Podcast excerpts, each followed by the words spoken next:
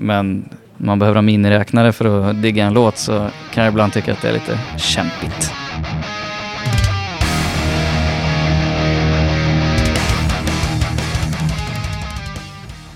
Torsdagen är dagen då det släpps nya avsnitt av Rockpodden.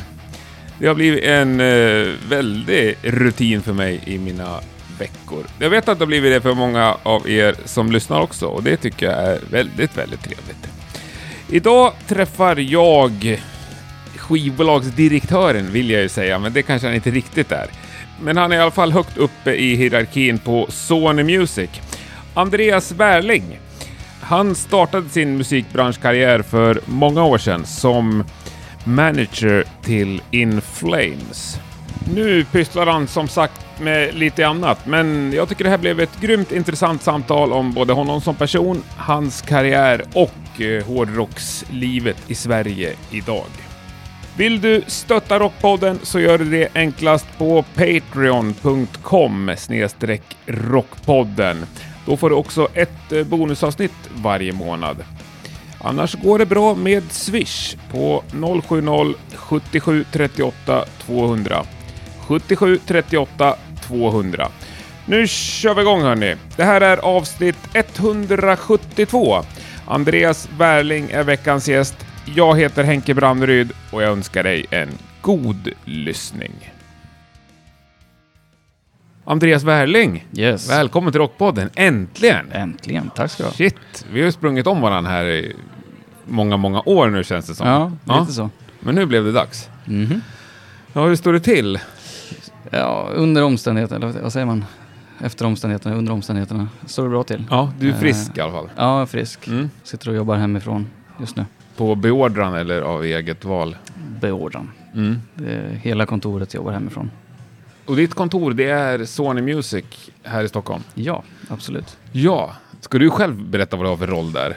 Du har ju bättre Eh, koll på det än vad jag har. Ja, ehm, vad ska man kalla det? Jag har väl en form av eh, projektledarroll kan man säga. Jag sitter väl som dels lite A&R-tjänster, att jag signar, signar en del artister har jag gjort. Eh, jobbar mycket med Central Media och deras katalog och även andra hårdrock och rock-releaser som vi har genom Sony. Ehm, men sen så gör jag även lite andra grejer vid behov, lite input på kreativa saker och så. Mm.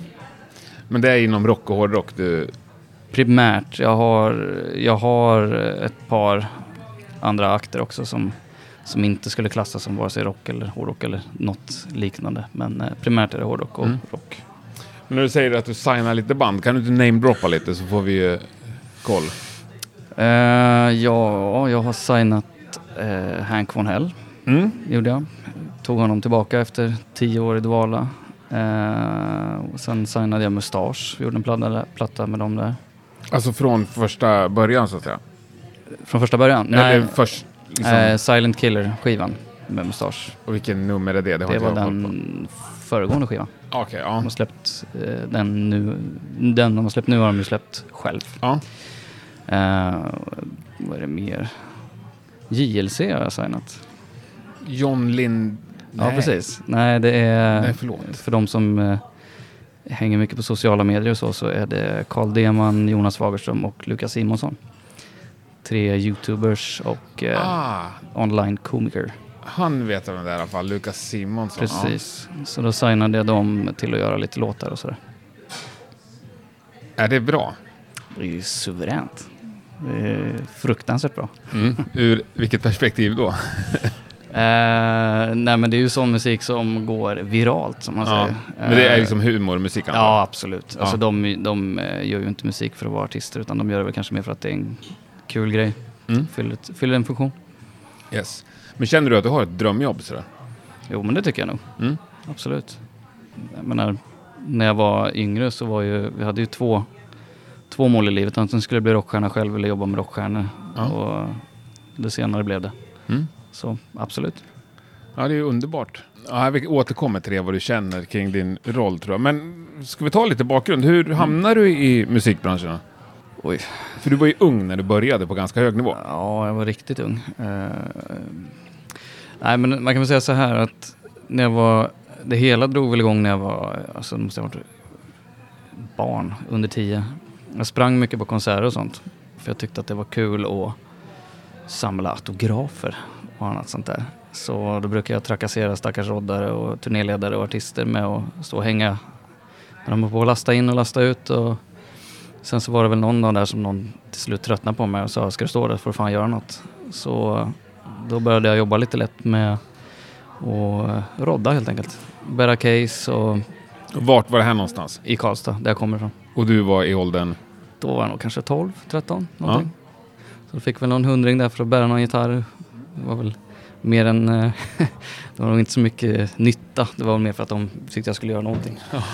Ehm, nej, så det var väl där det verkligen började. Och sen så allt eftersom så lärde man ju känna folk och eh, gjorde väl mer och mer grejer. Började sälja merch, har jag väl gjort ett par gånger. Ehm, och sen så fick jag väl, tror jag någonstans i tonåren där fick jag väl för mig att jag skulle, skulle in på min andra, eh, mitt andra mål i livet som inte var rockstjärna eller rock, jobba med rockstjärnor och det var väl, eller tredje blev det. Ehm, och då skulle jag jobba med grafik och reklam. Mhm. För det är en annan stor grej som är att jag gillar att hålla på och rita och eh, reklam och kreativt generellt sådär. Så eh, då gick jag väl ett stycke utbildning tror jag när jag var 18-19 år. Jag skulle bli reklamare. Eh, sökte praktik och blev lovad ett jobb som jag sen inte fick. Eh, och då blev jag ju skitförbannad och startade min egna digitala reklambyrå när jag var 20 ungefär. Och då tänkte jag väl att jag skulle fokusera mycket på att jobba just med artister, förena de två grejerna. Det var jag och två killar till. Vi gjorde väl hemsidor, några appar, skivomslag och lite sådär. Ehm, och det var på den vägen då som eh, eh, en vän till mig kände Björn Charlotte i Inflames. Och han hade tipsat Björn om att vi gjorde just hemsidor och appar och sånt där.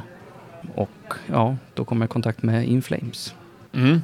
För sen jobbar du med dem i många år. Precis. Ja, det som hände var väl att jag jobbade, vi skulle göra den här hemsidan och en app och det var väldigt mycket jobb.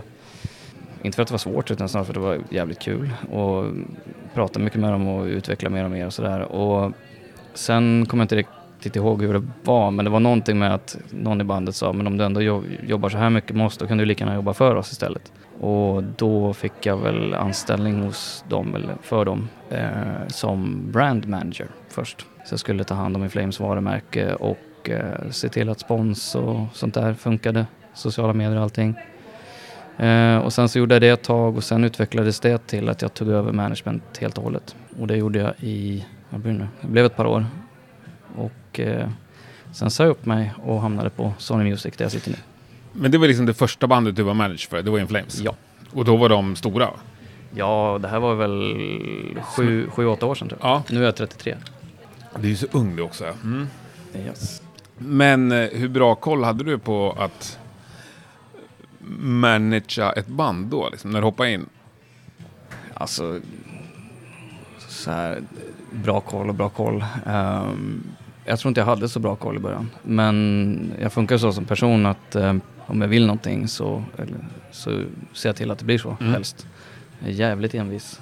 Ehm, och då tyckte jag väl att det bästa man kunde göra för att lära sig snabbt det var ju att fråga så många som möjligt, eh, ställa så många dumma frågor som möjligt och få så många svar som möjligt. Ehm, så jag lärde mig ju väldigt snabbt hur saker och ting funkade. Eh, plus att jag hade ju väldigt, väldigt bra folk att jobba med. Dels bandet men även andra folk runt om bandet som jobbade väldigt hårt och var väldigt erfarna. Så det gick bra. Den biten. Ja, kul. Men kommer du ihåg någonting sådär i början som du verkligen stötte på? Där du kanske kände att shit, det här har jag ingen koll på överhuvudtaget. Ja, absolut. Eh, första första början var ju det här med eh, just när det kommer till kontraktskrivning och sånt där. Ehm, visst, man hade väl en hum om kontrakt eftersom att vi hade gjort en del avtal själva med, med, den, med den byrån jag hade innan. Eh, så lite koll hade man ju på vad som skulle stå med och inte stå med i ett avtal. Men just ett skivbolagsavtal och merchavtal och sådana där grejer. Man förstod ju innebörden av det. Men som tur är så fanns det ju väldigt bra jurister som skötte det, det finstilta så att säga. Så man lärde sig även utav dem då, om man säger så. Men inget mer konkret så här, som hamnar i ditt knä? Du menar någon riktig skitkorv? Ja, men typ så. Ja. Ja, så om man säger så här, det händer väl, händer väl alltid saker med ett band. Men sen är det inte alltid allt man ska prata om. Nej, just det. Saker som du får städa upp liksom. Ja, precis. The Wolf. Ja, men de är, alltså gre- grejen med, med just In Flames är att det är ju ett, alltså det är ju ett av Sveriges största hårdrocksband någonsin. Mm. Och de gubbarna i det bandet, är, alla är så pass rutinerade och jag menar, de har koll på läget. Så det Mm. var inte värst mycket Nej. skandaler på så sätt liksom. Men eh, ja, du jobbar nog som manager för dem. Mm, precis. Det var inget du ville fortsätta med sen? Alltså till något annat band eller så? Ja, det jag kände var väl, alltså, jag hade ju en familjesituation där. Att jag har ju en dot- nu har jag två barn, men då hade jag min dotter eh, och min sambo. Och eh, det var ju sällan man var hemma. Liksom. Det var mycket flaxande runt hela jordklotet och må- långa dagar och sådär. Ehm, så jag kände väl mest för den skullen att jag behövde någonting som var mer, eh, kanske inte 9 till 5, men, men i alla fall någonting som var mer eh, på plats. Lite Ja. mer fast Ja, punkt. lite så. Mm. Eh, som man just kunde... Precis. Ehm, så då, det som var var väl att jag kände att det var dags för ett skifte. Plus att ehm, jag kände väl mest att det var, eh, det var dags att göra någonting nytt. Mm. Om man säger så. Eh, det är klart att det hade varit kul att fortsätta som management och jag menar, vem vet, det är kanske det jag kommer gå tillbaka till en dag också. Men just där och då så kände jag liksom att familjen fick komma först och eh, jag fick en jättebra möjlighet på Sony Music och den tog jag just då. Och det var hur länge sedan? Hur länge har du varit på Sony nu? Nu är det väl i strax över fyra år tror jag. Mhm. Hur länge kan du vara på ett och samma jobb innan du blir rastlös? Hundra år. Hundra år? Nej då. Eh, jag tror inte det handlar så mycket om att bli, att eh, jag, jag blir sällan rast, rastlös för att jag brukar se till att det finns jobb Mm. att göra. Men det är väl svårt att säga vad som händer i livet framöver. Det, allt kan ju ske och kan få nya infallsvinklar och nya möjligheter så vi får se. Men just nu trivs jag väldigt bra. Kan du någonsin känna att du blir less på hårdrock, om vi säger så slarvigt? Efter att jobba med det liksom dygnet runt? Är inte less skulle jag inte säga, men däremot så kan man bli lite frustrerad emellanåt. Eh, men det beror väl inte så mycket på, på banden eller på artisterna, snarare tvärtom. Utan det är väl, det är ju en, det är en genre som eh, sällan är i, i det främre rummet, om man säger så. Vilket också betyder att man måste jobba, skulle jag säga, fyra, fem gånger hårdare kanske, i vissa fall, för att få resultat. Så det kan väl bli less på, liksom att man får det går inte alltid så lätt som man tycker själv att det ska gå. Och eh, Typ hur då menar du? Om du... nej, men det kan vara... Det kan handla om just, alltså, om man säger som någonting som många väldigt, går väldigt mycket på. Det är så- alltså, vad ligger på Spotify topp 50 eller topp 200 och, och vad syns mest i media och sådär. Och där är ju, det ekar ju väldigt tomt på hårdrock där. Eh, eller rock för den delen. Det är klart det finns vissa undantag men och det kan man bli lite frustrerad för att man inte liksom lyfter fram eh, eh, just hårdrock och rock Mhm. i, i, i mångt och mycket. För det är ju, det är ju trots allt många band som eh, gör extremt stora framgångar. Både vad ska man säga, försäljningsmässigt och även jag menar, spela på festivaler eller ja, tar sig väldigt, väldigt långt. Mm. Men man hör väldigt, väldigt lite om dem om man inte är ett inbitet hårdrocksfan. Mm. Eh, framförallt i media och det kan jag tycka är lite sådär emellanåt. Mm. Men samtidigt så har hårdrock, rock och punk och alltså alla former av subgenrer till det har ju alltid varit just subgenrer så det kanske ska vara så också att det inte är i främre ljuset. Jag vet inte. Nej, det är väl det som är den svåra balansgången. Alla vill att det ska bli större och vara mer folk och omsätta mer pengar och sådär. Men samtidigt så vill man att det ska vara lite för den inbitne liksom. Ja, precis. Alltså pengarna, är, alltså pengar och framgång, eller, eh, jag gör i alla fall, jag tycker på ett sätt att det, just att mäta framgång i pengar är lite, lite fel. För jag menar, det finns ju band som är, om man, om man tar liksom hårdrocksband, svenska hårdrocksband som gör, de, de kanske spelar liksom headline på, på en stor festival nere i Tyskland eller i, gör en jätte, en utsåld Europaturné. Mm.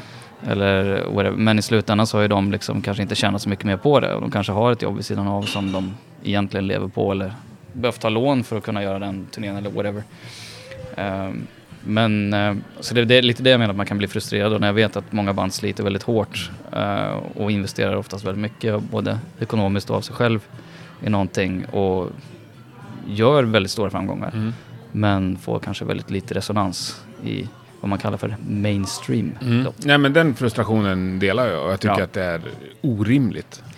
Om man tittar på folk på, jag inte vet jag, du kan gå in på vilket kontor som helst. Så sitter någon som är halvdålig på sitt jobb, men han kan utan problem ha en ganska schysst månadslön för att sitta och programmera någonting eller Ja, ja, absolut.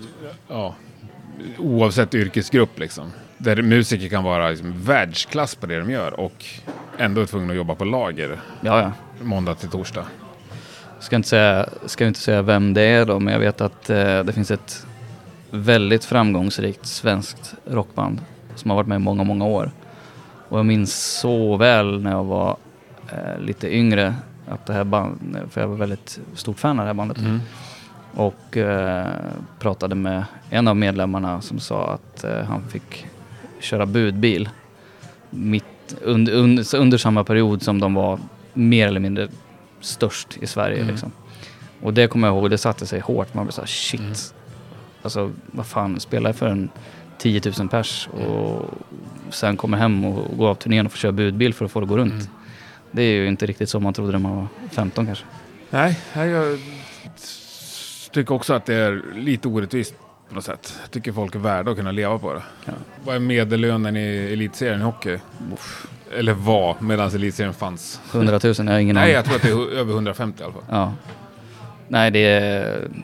Men sen är det så här också, klimatet ser ut som det gör. Jag menar just i Sverige har vi över 90% eh, Spotify liksom. Mm. De äger och dominerar marknaden. Mm. Så för oss är det ju streaming som, som gäller. Mm. Ehm, och jag menar rock och hårdrocken och sådär, alltså det, det streamas ju på men det kanske är mer att det, istället för att det är just det singlar som streamar så är det kanske snarare album. Mm. Att man har färre streams men utspritt på fler låtar. Ehm, vilket gör att man inte hamnar på topplistan och sådär. Men jag menar fysiskt till exempel är ju en jätteviktig del. Mm. I, eh, eller just för hårdrock, det är en del av kulturen skulle jag säga. Just med vinyl och collectible box och allt sånt Mm. där. Eh, men i Sverige kanske vi inte har lika mycket den köpsuget på sånt som Tyskland har Nej, exempelvis. det är väl ett Eh, visst ändå. Det är ju Ja. mycket mer Ja, än vad det är på popartister. Liksom. ja, ja herregud ja.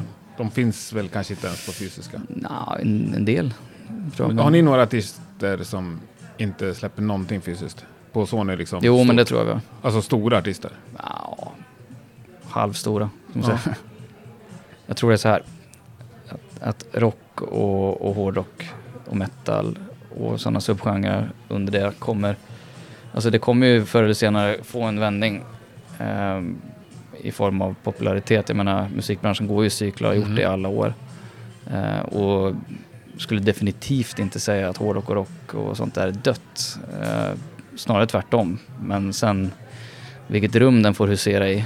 Det är just den cykeln som vi är inne i nu så kanske det, jag vet, kanske händer imorgon. Men Det fanns ju en tid när man spelade jazz på Precis. danskrogar liksom. exakt. Så man tänker att allt går i cykler, då ska jazz först komma tillbaka och sen Ja. kommer hårdrocken tillbaka. Precis. det låter jävligt deppigt alltså. Ja, exakt. Ja. Vi väntar på dansbandsreformen också. ja, men den kan jag tänka mig, för den lever i ett annat hjul ändå. Mm, exakt. Ja. Nästan, ja, jag vet inte. Ja, för jazz är ju, jag tänker ofta på det när man pratar om så här, är hårdrocken död? Så här, men kolla på jazzen, liksom, det är några små nischade klubbar kvar i Sverige typ. Ja, ja.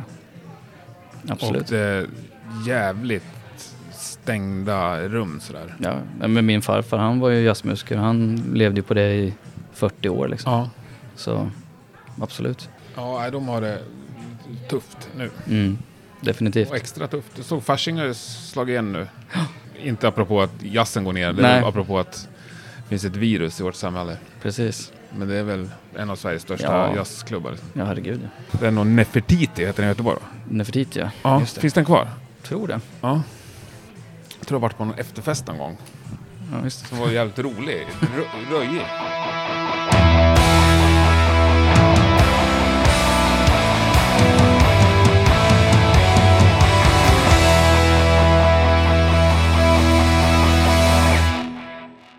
Yes, jag ska bryta av med ett eh, kort meddelande bara. Det flödar ju just nu av kreativitet och eh, många band sänder ju livestreamade gig och rep och Q&As och allt möjligt. Några som har tagit det här på riktigt eh, stort allvar, det är Studio Gröndal som tillsammans med eh, produktionsbolaget Blackbox tänker ställa upp en rad extremt schyssta band i studion. Micka upp dem och sända med full videoproduktion med massa kameramän och eh, grejer. Det här tror jag kan bli riktigt, riktigt bra. Först ut nu på lördag 28 mars klockan 20.00 kan vi både se och höra då Bluespills. Fantastiskt mycket ser jag fram emot det. Onsdag 1 april, då är det Eclipse som riggar upp in i studion. Det kommer eh, mer grejer framöver också. Håll koll på bandens sociala medier. Eller på Rockpoddens sociala medier ska jag försöka påminna där också. Det blir grymt. Stötta alla band i dessa tider. Detta kan inte nog understrykas. Nu tillbaks till Välling. Men du, i din mailbox, hur många saker handlar om svenska band kontra internationella? Jag skulle nog säga att det är 50-50 just nu. Mm. Ibland är det mycket mer. Ibland lite mindre, det beror lite på. Central Media är ju ganska flitiga på att signa just i Norden och Sverige. Mm. Vi har ju sjukt många bra band härifrån. Och i alla genrer skulle jag säga, och subgenrer. Så, så just nu är det 50-50 men normalt sett kanske 70-30 till sve- svenska band. Mm. Eller nordiska men mest svenska skulle jag säga. Skulle du kunna signa ett band nu? Ja, Ja. Har du liksom något litet fönster öppet där du lyssnar efter nya grejer? jo men det tror jag man gör konstant. Eh, det skulle vara lite grann som ett tjänstefel tror jag att man inte håller lite grann koll på och lyssnar på det som kommer ut och det som Mm. finns. Men är det då sådana band som kanske släppt några plattor på lite mindre bolag och liksom är ute med matchen? Ja, ja, Ja, absolut. ni tar inga band från gatan så att säga? Nej, men jag skulle säga så här. Det, det finns ju alla former. Jag menar, finns det någonting där att jobba på? En bra låt är en bra låt. Liksom. Eller ett bra album är ett bra album. Eller ett, för den skull, ett bra koncept är ett bra koncept. Mm. Ehm, och jag menar, hör man något och ser något framför allt som träffar rätt på alla, på alla punkter, då, då är det klart att man, man försöker ta en diskussion. Så det, och det har ingenting att göra med egentligen om de är mm, superetablerade eller om de är alldeles nya eller... Jag menar, det finns ingenting som, som man behöver ha på så sätt liksom. Men hur ofta tar du liksom ställning till, är det här någonting vi ska jobba med eller inte? Ganska ofta skulle jag säga. Ehm, om inte annat så brukar jag, alltså man brukar oftast ha en diskussion med någon kollega och sådär. Mm. Ehm, Men hur ofta är ganska ofta? Ja, det är svårt att Jag säga. dricker öl ganska ofta. Ja, precis. Samma här. Ehm, nej, men, eh, nej, men säg att man eh, varannan vecka kanske, om man skulle dra ett snitt. Ja. Det, jag skulle inte säga att det är varje dag, men Nej. varannan vecka. Det, vi får ju in musik varje dag. Och det, det händer ju grejer varje dag. Men, men sen är det det att det kommer, så, det kommer ganska mycket musik in. Och man önskar ju man kunde liksom sitta och ha koll på, eller vad ska man säga, svara på allt och alla och Mm. uppvakta allt och alla. Eh, men sen är det att när någonting träffar rätt så då tar man väl en diskussion och sen så får man se om man kan eventuellt ta det vidare. Helt Mm. Men om någon som du liksom litar på, Mm. inte en kollega kanske, men eh, utan någon utifrån, Mm. tipsar dig om ett band. Ja. Hur gör du då för att kolla upp det? Oj. Ehm, det är lite olika. Alltså om det är någon, någon man litar på. Alltså, det kan vara, ibland kan det vara något man hör alltså på krogen eller vad som helst. Mm. Liksom. Men är det något jag tycker är intressant generellt sett så brukar jag dels kolla upp först och främst vad det är för några. Alltså då, Spotify, Facebook, Instagram. Kanske googla och se om det finns någon, någon nyhetsartiklar eller försöka liksom läsa på lite grann om vilka de är eller vem personen är och sådär. Um, försöka bilda, bi- få, få sin uppfattning därifrån och sen så framförallt lyssna på, på musiken. Då. Vad är det som väcker din nyfikenhet då? För min del, alltså om man ser till, eh, om man ser som Hank till exempel. Jag gillar ju, men det är ju högst personligt, men jag gillar ju det teatraliska. Eh, Jag är extremt stort Kiss-fan. Så det sitter väl i därifrån. Så det behöver inte bara vara teatraliskt heller, men just att när det liksom finns ett koncept kring en artist, det är väl det, är väl det jag tycker är intressant. Uh, och det behöver inte vara smink och eld och spikar på armarna, utan det kan vara liksom en attityd eller en image eller en, eh, vad som helst. Bara att det är liksom ett koncept eller att det liksom är lite teatraliskt av det. Att, att det inte bara är eh, liksom, här står jag med en gitarr, utan att det är någonting mer. Det är, personligen går jag igång lite extra på kanske. Men heller inget krav. Men, det, men just det har jag väldigt, väldigt, väldigt svag för. Mm. Vad är det största no-noet då som kan få dig bara, nej men det här kommer aldrig... Största no-noet? Ja. Uh, Eller några olika kanske? Det är nog när man hör ganska tydligt att... När man hör ganska tydligt att en låt påminner om en annan låt, om jag uttrycker mig så. Mm. Alltså när man hör att, okej, okay, här har de lyssnat på den plattan och den låten många gånger. Uh, det kan jag tycka är lite sådär uh, icke-originellt. Nej, uh, så, så det, det, kan vara lite såhär uh, turn-offer. Men annars skulle jag säga, vad mer? Ja, lite svårt för, alltså jag, jag gillar, jag tycker det är kul med kaxiga människor. Det är humor och kaxighet tycker jag är skitroligt. Mm. Men, Enig. Men då får det inte vara kaxighet som är eh, humorlös, om du förstår vad jag menar.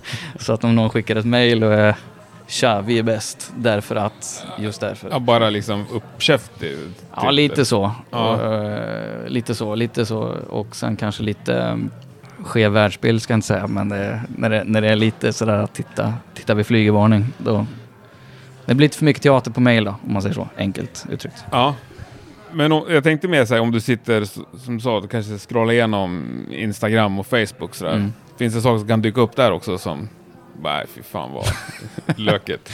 vad ärligt, det här behöver ju band höra. Nej, inte, inte så. Men däremot om man skulle få liksom ge något, något tips, mm. man ser det konstruktivt istället. Ja. När man har ett band, just det här med att man tänker i helhet, eller helhetsbild. Och det gäller även som artist att man kan ha man kan vara skitduktig på att sjunga liksom covers och filma sig själv eller att man eh, eller att man har en skitball attityd eller vad som, eller image menar Skit, man har en skitball image. Eh, men att man liksom tänker helhet som ett artisteri och att man inte tänker bara ena eller det andra. Så att eh, liksom man har en skitfrän image men du har ingen musik eller du har musik men du har ingen image. Så försök att tänka liksom helhet. Och med det sagt då, så behöver man heller inte vara eh, överteatraliskt just för det. Men att man försöker att liksom se det, sitt artisteri som en helhet helt enkelt. Mm. Det är tips. Men vissa genrer är väl också, där ska det vara lite jeans och t-shirt? Absolut.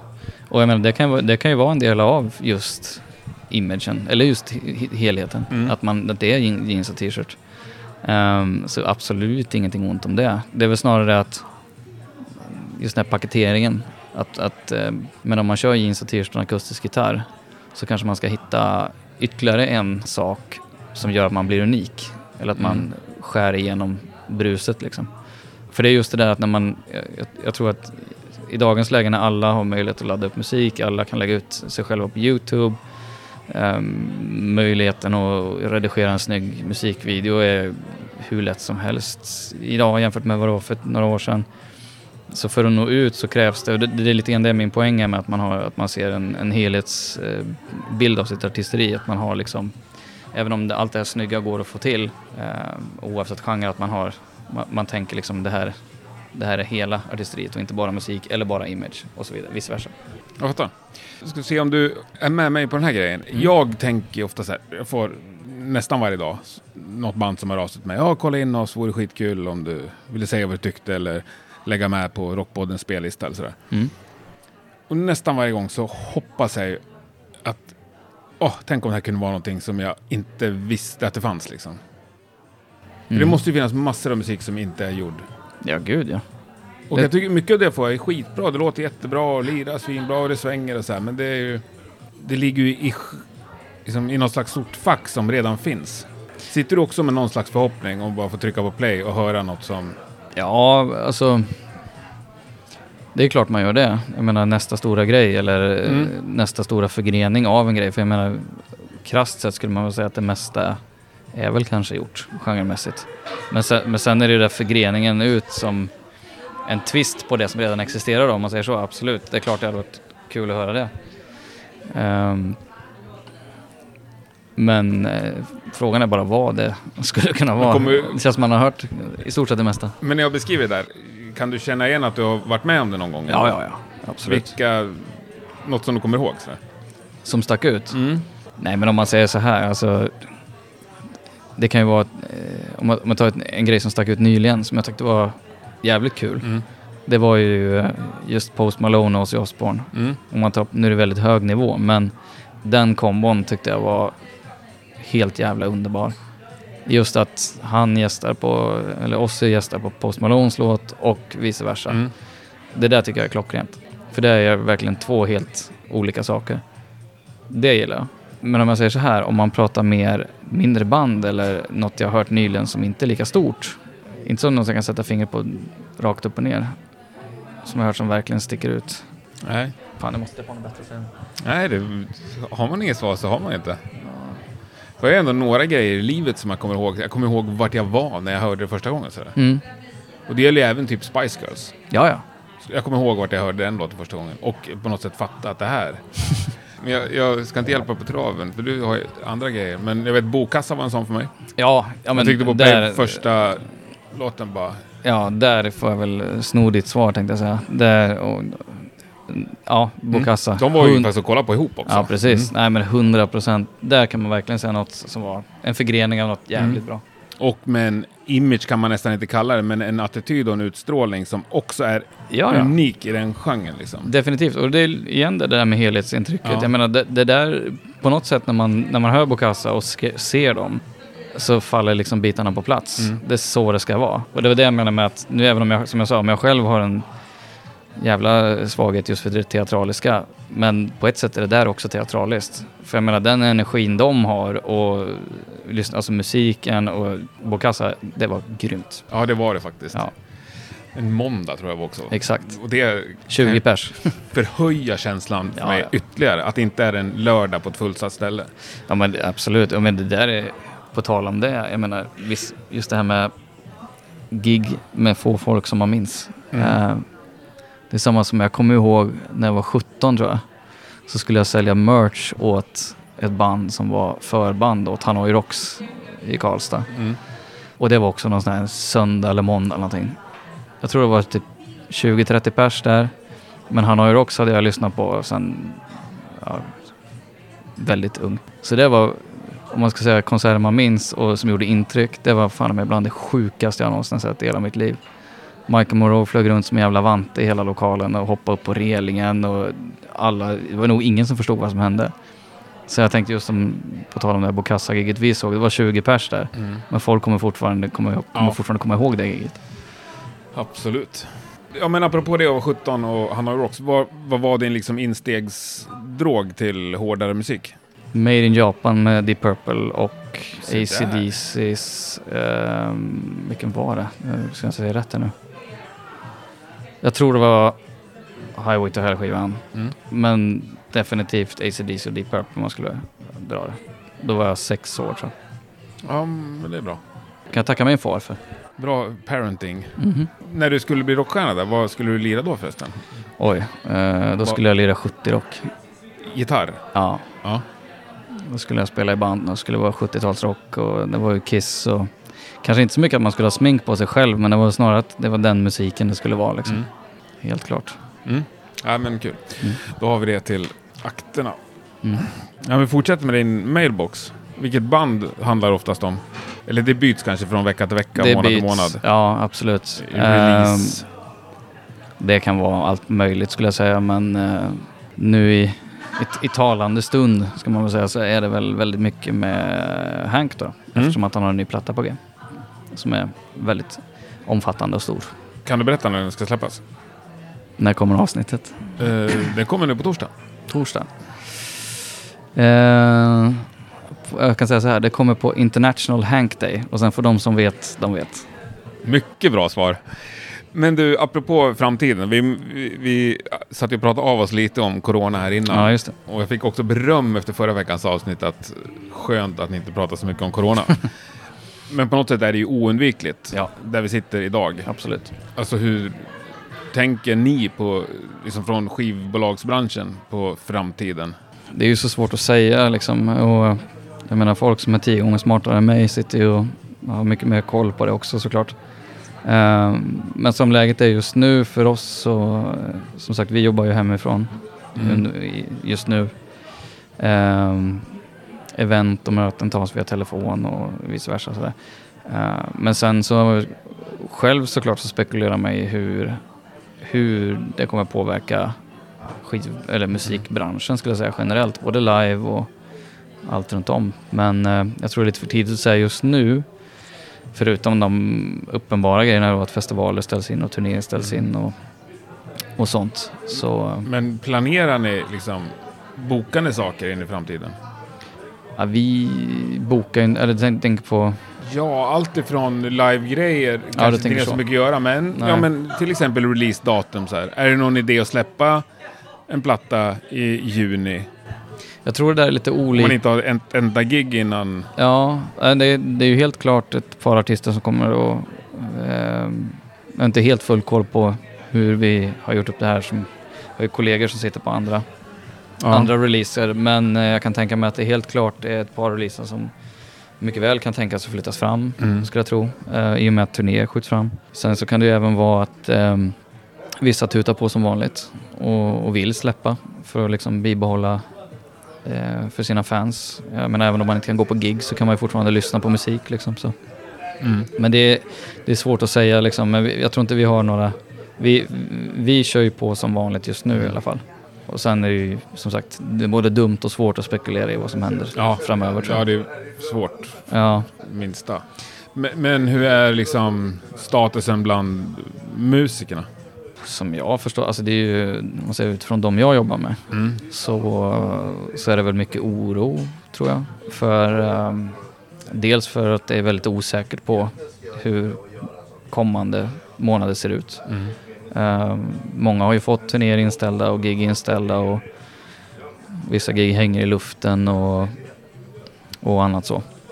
Så eh, jag tror att det, det- en del är väldigt oroliga, en del är, tar det med ro men fortfarande såklart eh, man måste ju kanske rita om Mm. sin, sin strategi för 2020. Det är nog en bra idé. För finns det någon svensk rock eller hårdrocksartist som klarar sig utan live-intäkter? Jo, men det tror jag. Gör det? Eh, ja, alltså det tror jag säkerligen att det finns. Eh, det, det finns, om man ser ut de större banden så, så kan det mycket väl vara så att de har ett, eh, ett kapital att, att leva på. Även utan en turné. Eh, en del har väldigt mycket katalog som genererar pengar och sådär så att det kan Men ju, vilka skulle det kunna vara? ska man inte spekulera här men Men lite kan du bara gissa sådär, tänka högt. Nej, men jag skulle väl tippa på att eh, det känns dumt att säga för jag har egentligen ingen insikt alls i deras ekonomi. Men jag skulle tippa på att de banden som har varit med länge, om man säger så då. Eh, Europe liksom. ja, alltså eh, Europe, eh, kanske In Flames, eh, Hives. Kan tänka mig att de banden eventuellt har en bra buffert. Men med det sagt, jag har ingen aning. Så det, det, det kan ju också vara så. Det, det är ju det som också är lite grann baksidan med, eller baksidan, vad säger man, en del av maskineriet. är väl att många band planerar ju en ny platta med en albums, eh, gör en albumcykel, jag tänker, med en turnécykel på det. Och då lägger upp kanske att man ska turnera ett visst antal månader för att generera en viss intäkt. Och, eller man släpper en platta för att kunna turnera till exempel. Och sådär.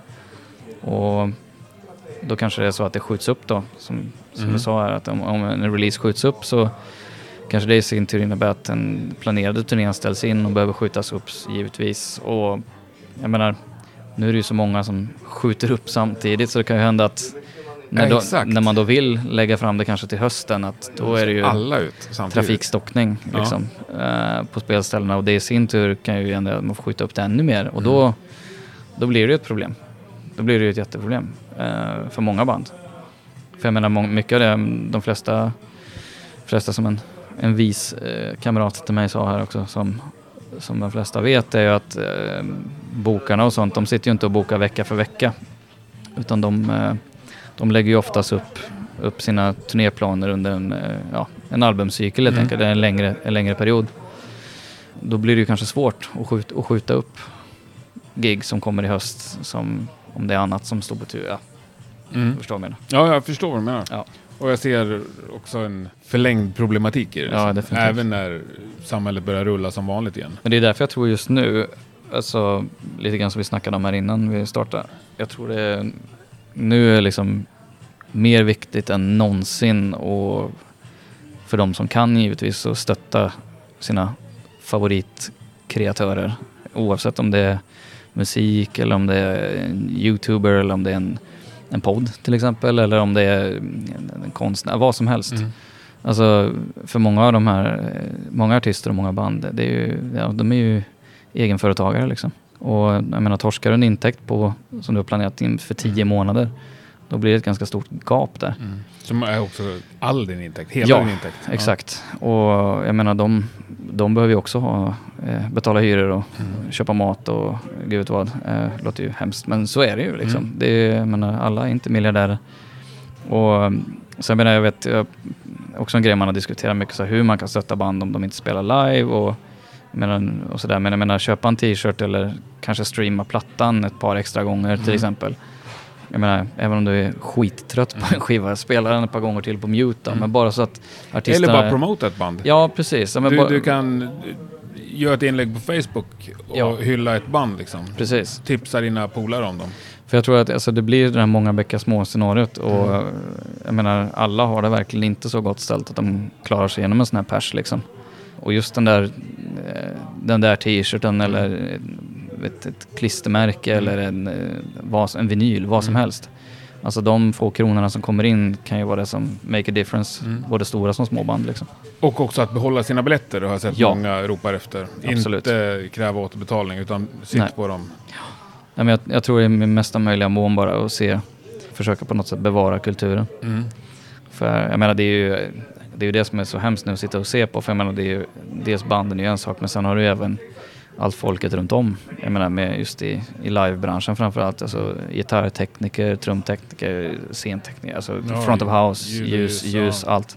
Jag menar de, de när de har liksom inställda gig också, de har ju verkligen lever ju på det de gör. Mm. Jag menar, det blir, det blir svårt för, för dem på det sättet också kan man ju lugnt säga. Verkligen. Ja.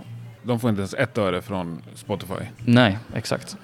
Nej, vi får hjälpas åt alltså. Ja, nej men man får Folk får bli ännu mer kreativa Mm. än vad man normalt sett är. Men du som sitter lite högt upp i, i hierarkin, sitter du på någon inside om sommarfestivaler? Tyvärr ingenting. Det är ingen Eh, europeisk som har gått ut än... ja, det enda jag har sett, stora. men det, är ju det var väl officiellt Glastonbury ställde ju in, vet jag. Ja. Sen har jag inte hört någonting, inte ens eh, under bordet så att säga. Nej. Jag har inte hört någonting än. Um, rent spekulativt så tror jag väl eh, att det är det är så svårt att säga. Jag menar, det kan gott hända att allting blir av som det ska. Det är ju, tror jag, ingen som vet just nu. Nej. Och det vore ju extremt tråkigt om det inte blev någon festivalsommar eftersom att det, det är lite grann, jag menar folk lägger, en del lägger ut till och med sin semester efter det så att det Ja, ja, ja. blir en väldigt torr sommar annars. Och liksom, fattar du eh, utloppet? Man har inte Ja, varit på ett gig på hela shit. våren och så får du liksom Ja, åka till Sweden Rock eller Wacken eller vilken som helst och bara mata. Nej, alltså det är som sagt det är alldeles för tidigt att säga och sen så tror jag många, många inte riktigt vet än hur det kommer att bli. Nej. Jag kan tänka mig att det hänger lite grann på USA också. Jag menar, många av de här festivalerna har ju amerikanska headliners. Det är det också. Så kommer de flyga över och vill de flyga över, alltså igen, rent spekulativt liksom. Men annars så får vi köra med det vi har. Exakt. Då får man köra en Sweden Rock med enbart svenska artister. Ja, det skulle vara helt fantastiskt ju. Absolut. Ja, Det hade fan varit grymt. lite, kanske lite skandinaver och Ja, ja. Alla, Någon- som, alla som får, får, får komma dit. någon tysk som lyckas smuggla sig in via Danmark. Så, ja. Ja, exakt. Nej, men det skulle ju vara helt underbart. Ja, ja. Och jag tänker att om det är alternativ till ingen Mm. festival så tror jag att de flesta uppskattar det. Ja, gud ja. Men det är ju det som är så fint också om man, säger just med att jobba med rock och hårdrock och metal och allt det där. Det är att, jag menar det är ju en... ta Sweden Rock till exempel. Mm. Alltså, folk bokar ju, bokar ju biljetter dit utan ens veta vad det är för några band. Ja, ja, ja. Utan de, de ska ha en biljett liksom. Mm. Och jag tror den, den grejen, eller den kärleken till musiken som, som finns inom oss fans av dessa fantastiska genrer, den är nog ganska sällsynt eh, kontra i andra genrer. Ja. Så jag menar, även om det skulle bli ett Sweden Rock med bara enbart svenska och en insmugglad tysk, så Mm. tror jag nog folk hade dykt upp i alla fall. Det tror jag med. Mm. Och man får ju dricka öl. Ja, det är ju det som är det viktigaste. Ja, det är ju klart en bidragande orsak. Exakt. Man får vara dagfull utan att någon tittar snett på en. Nej. Fy, fyra dagars fest och sju veckors leversmärta. Ja. Nej, vi kanske inte ska fastna längre på framtiden. Jag tycker att det är så jävla spännande. Ja, nej men kör. Nej, men det behöver vi inte göra. Vi säger så här då. Har du någon så här, du kommer på spontant som du har blivit förvånad av, en artist? Som har gått åt ett eller annat håll som du inte hade sett? Tänker du på någon jag har jobbat med eller generellt? Ja, eller kanske någon du inte valt att jobba med? Förvå... Ja. Ja, nej, men det är inte så att du har tackat nej till Ghost och sagt att det här kommer aldrig bli något. Ja, nej, det hade jag aldrig tackat nej till. Eh, däremot så finns det väl vissa, utan att nämna vilket det är, Mm. så kan vi säga att det finns väl band som man önskar att man hade varit mer på kanske. Ja, Som, Finns det som, som inte kanske är någonting just nu, men som jag tror fortfarande kommer bli väldigt, väldigt bra. som du liksom har lagt ner tid och energi på att få jobba med. Nej, snarare att det är liksom saker som föll mellan stolarna kan man väl säga. Mm. Så det, utan att nämna några namn just på den biten, men det finns såklart band som man, som jag starkt tror kommer bli väldigt, väldigt bra. Som inte är det nu, eller som inte är så stora? Eller Nej, just nu är de inte så stora, men de kommer bli, jag tror de kommer bli stora. Så Och- sådana, tillfällen eh, tycker man ju är lite bittra, men Men, och du fick inte jobba med dem? fick och fick. det, det föll mellan stolarna kan man säga. Ja. Men du vill inte säga vilket band? Nej. Varför inte? Nej.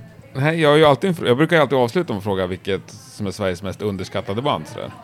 Om du har något som tycker du som förtjänar mer uppmärksamhet. Ja, det kan jag ta däremot. Sveriges mest underskattade band just nu, Baboon Show och Thundermother Bra. inom rock. Och de är väl i en stigande kurva båda två? Absolut. Och det är med all rätt skulle Mm. jag säga. Väl underbyggt också. Ja. Nej, men de, de två kommer bli hur bra som helst. Mm. Fantastiska band båda två. Mm. Men eh, det där, vart du nyfiken på den där som föll mellan stolarna?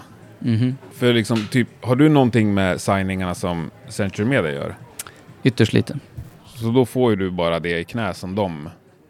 Precis. Det är, eller ytterst lite ska jag inte säga, men om, det har ju såklart varit tillfällen när det är svenska band. Alltså Central Media-banden signas utifrån Tyskland. Mm. eller ifrån Tyskland. Men det händer ju rätt ofta att det är band som de antingen är på väg att signa eller som de är intresserade av eh, att signa. Och är de då ifrån Sverige eller från Norden så händer det ganska ofta att de hör av sig och frågar om jag vet vilka det är eller vad jag tycker och sådär. Så det, det förekommer. Ja, och då kan det ju hända alltså både att du blir positivt och liksom negativt överraskad där. Ja, ja. De kan ju signa grejer som du inte tog hypad på. Jo, absolut. Eh, men då handlar det väl mest om att vara, även om man, alltså personlig smak och tycke, kanske inget jag själv går igång på, men samtidigt så ska man ju givetvis, eh, alla band ska ju ha en chans liksom, Mm. eh, och få den uppmärksamhet och effort som de förtjänar. Mm. Eh, så eh, jag tror också är ganska viktigt just när man jobbar med musik generellt att, jag menar även om man har sin egen smak och sin egen, vad man tycker är, som jag sa igen då det här med min image Mm. eh, fascination. Jag tror det är bra och viktigt att man är lite sådär prestigelös också. Eller att man är ödmjuk inför sitt yrke. Jag förstår det, att man må- måste nästan vara det. Ja, Om man men sen, sen, det det ju, sen ska man ju, måste vara lite ärlig också. Ibland är det ju svårt. Jag menar om det är en genre som, till exempel jag är inte så jätteintresserad av progressivt till exempel.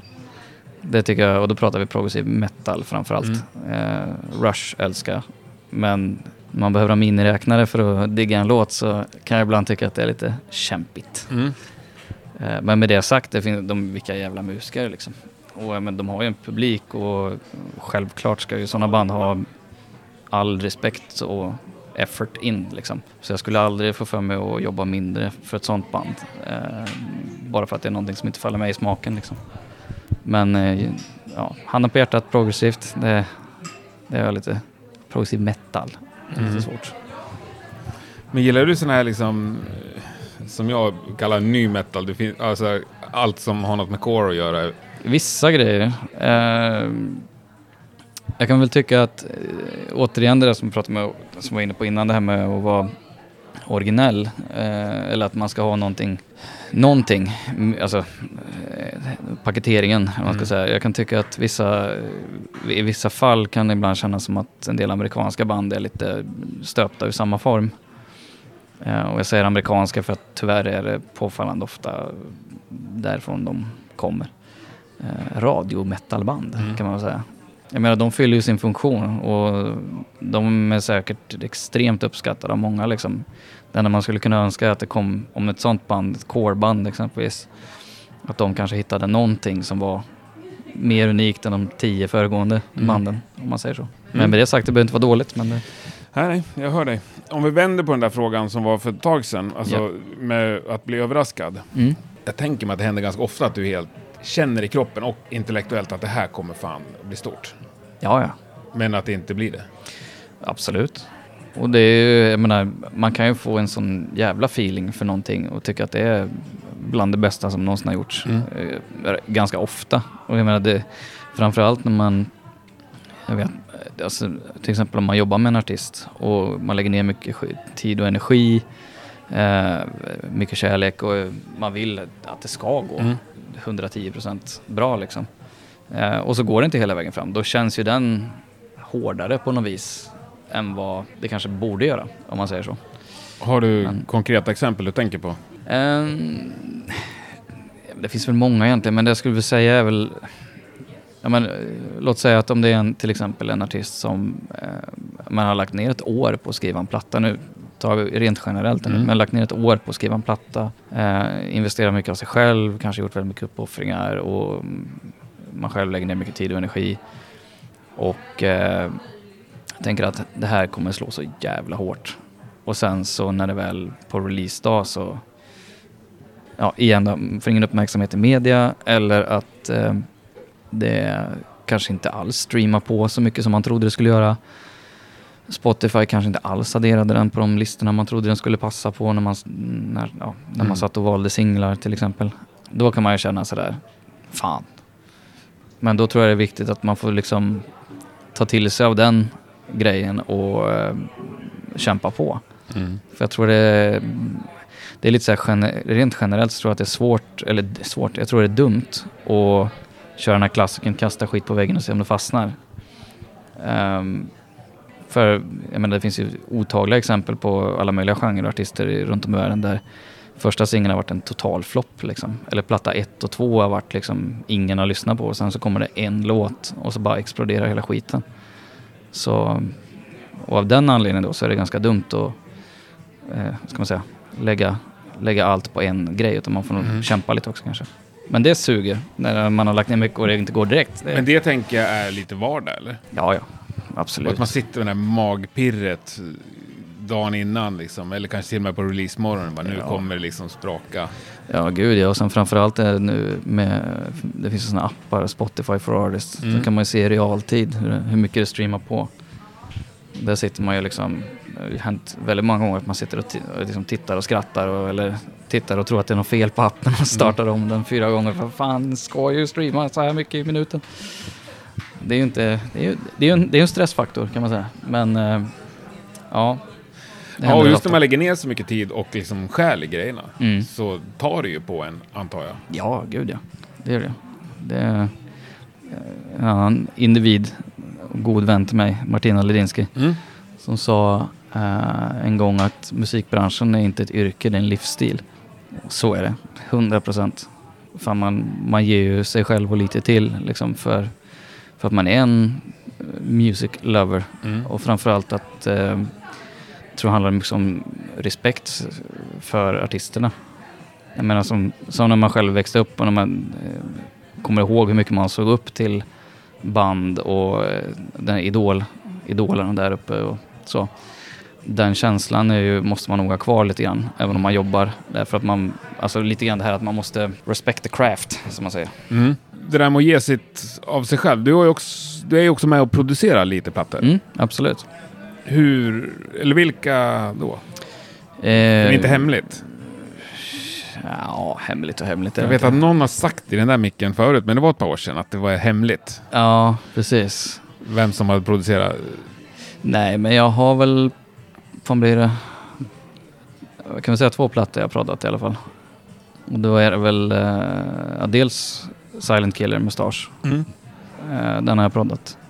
Och eh, sen var jag väl den drivande mannen med Hanks första skiva också. Och båda de är ju plattor jag har signat också. Mm. Och hur det blev att jag tog producenthatten även där var väl snarare att det liksom föll sig naturligt för man var där dygnet runt mer eller mindre. Och det fanns ingen uttalad producent då. Och så blev det att man tog den bollen helt enkelt. Mm. Och till viss del med och skriver lite musik också. Ja, absolut. Är det något du gör till husbehov hemma? Snor ihop en låt sådär? Jo, utan alltså, jag, avsändare? jag har nog, ja ja, Mm. gud ja. Jag har hållit på, det, vet jag, det är, det är ju någonting man har hållit på med sen, ja, men sen tonåren liksom. Mm. och suttit och knåpat halvkassa låtar hemma. Så eh, absolut, det har skrivits en hel del. Har du producerat Hanks nya också? Eller kommande? Nej, det skulle jag nog inte säga. Jag, däremot har jag skrivit ganska mycket. Mm. Hans-Erik eh, och jag, eller Hank och jag, funkar väldigt bra ihop. Så där har vi, skulle jag nog säga, gjort ett gäng låtar. Spännande. Mm. Verkligen. Men hur många signingar om året är du liksom inblandad i? Det är jätteolika. Um, jag menar det kan vara, eh, som nu då till exempel med kommande Hank-skivan, Mm. Dead som den heter. Ehm, det är en jätteomfattande skiva Ja. eh, och den har tagit en väldigt lång tid. Eh, och då tar den mycket tid. Då finns det inte tid för någon ny, ny signing? Nej, alltså det blir lite, alltså hur tråkigt det än är så har ju dygnet bara 24 timmar liksom. Ehm, så det blir svårt att hänga och, och liksom skarva in någonting mer. Just nu i alla fall. Men om man skulle säga ett snitt så, ja, i och med att jag gör, A&R-biten är ju en ganska, det är ju en del av det jag gör, men sen har jag även just produktchef och Mm. projektledare och lite annat så jag kanske skulle säga att det är ett- en handfull kanske som man är inblandad i. Sen är det inte, det, det är lite år till år skulle jag säga. Mm. Men tycker du att eh, svensk hårdrock är bättre nu än för tio år sedan? Nej, det skulle jag nog inte säga. Jag skulle säga att den är ganska konsistent. Alltså, till viss del så är, är nog svensk hårdrock till och med lite bättre idag, skulle jag tycka. Det är klart det finns ju massa gamla klassiker och sådär från förr, men jag menar några av de låtarna som kommer idag skulle jag säga om tio år så är de klassiker. Eller ganska många av dem. Typ? Eh, ja men exempelvis som eh, Mm. som jag sa. Eh, whatever, deras låt. Ja, men det där är en sån låt som kommer att hålla hur länge som helst. Och det, det är lite sådär, jag tror musik blir liksom inte, vissa genrer blir ju inte bättre med åren, jag skulle snarare säga att de, de utvecklas. Men sen finns det fortfarande de hjältarna som bibehåller samma sound som har funnits sedan 40-50 år tillbaka, men med en modern twist. Så det är svårt att säga att den har blivit bättre eller sämre. Men jag skulle säga kanske lite bättre. Lite Mm. mer tillgänglig. Bra svar. Nej, men jag tror att vi är nöjda där. Ja, Eller har du något mer på hjärtat sådär? nej, jag Nej. tror det är bra så. Nej, då trycker vi på stopp och inväntar framtiden. Absolut. Så hoppas att vi ses på en rockkonsert snart igen. Väldigt snart hoppas Ja, jag. verkligen. Grymt trevligt att träffas. Tack ska du ha. Tack! Ja, stort tack eh, Wärling. Den där eh, Hank von Hell-skivan ser i alla fall jag fram emot eh, extremt mycket. Och jag hoppas verkligen att våra drömmar om en lång festivalsommar slår in. Om inte annat då med svenska band, det hade ju varit helt fantastiskt trevligt. Jag skulle också vilja påminna om Folkhälsomyndighetens uppmaning att eh, stötta dina favoritrockband i dessa tider. Sjukt viktigt för att hålla spridningen av djup depression nere. Ett tips kan ju vara att följa Rockpoddens spellista på Facebook. Eller på Spotify heter det. Då får du dessutom massa tips på en himla massa bra band att lära dig att gilla. Och de får streams och alla blir glada och nöjda. Men in och likea, köp merch, biljetter, kolla på livesändningar. Bluespill ska jag kolla på på lördag. Gör det ni kan. Jag kommer göra vad jag kan och jag kan utlova ett avsnitt redan nästa torsdag. Ha det helt underbart och nu avslutar vi det här då med eh, låten som Wärling säger kommer hålla, vad sa han, för all framtid nästan. Och säger han så, då blir det så. Det här är Whatever med eh, Thunder Mother. Tack och hej!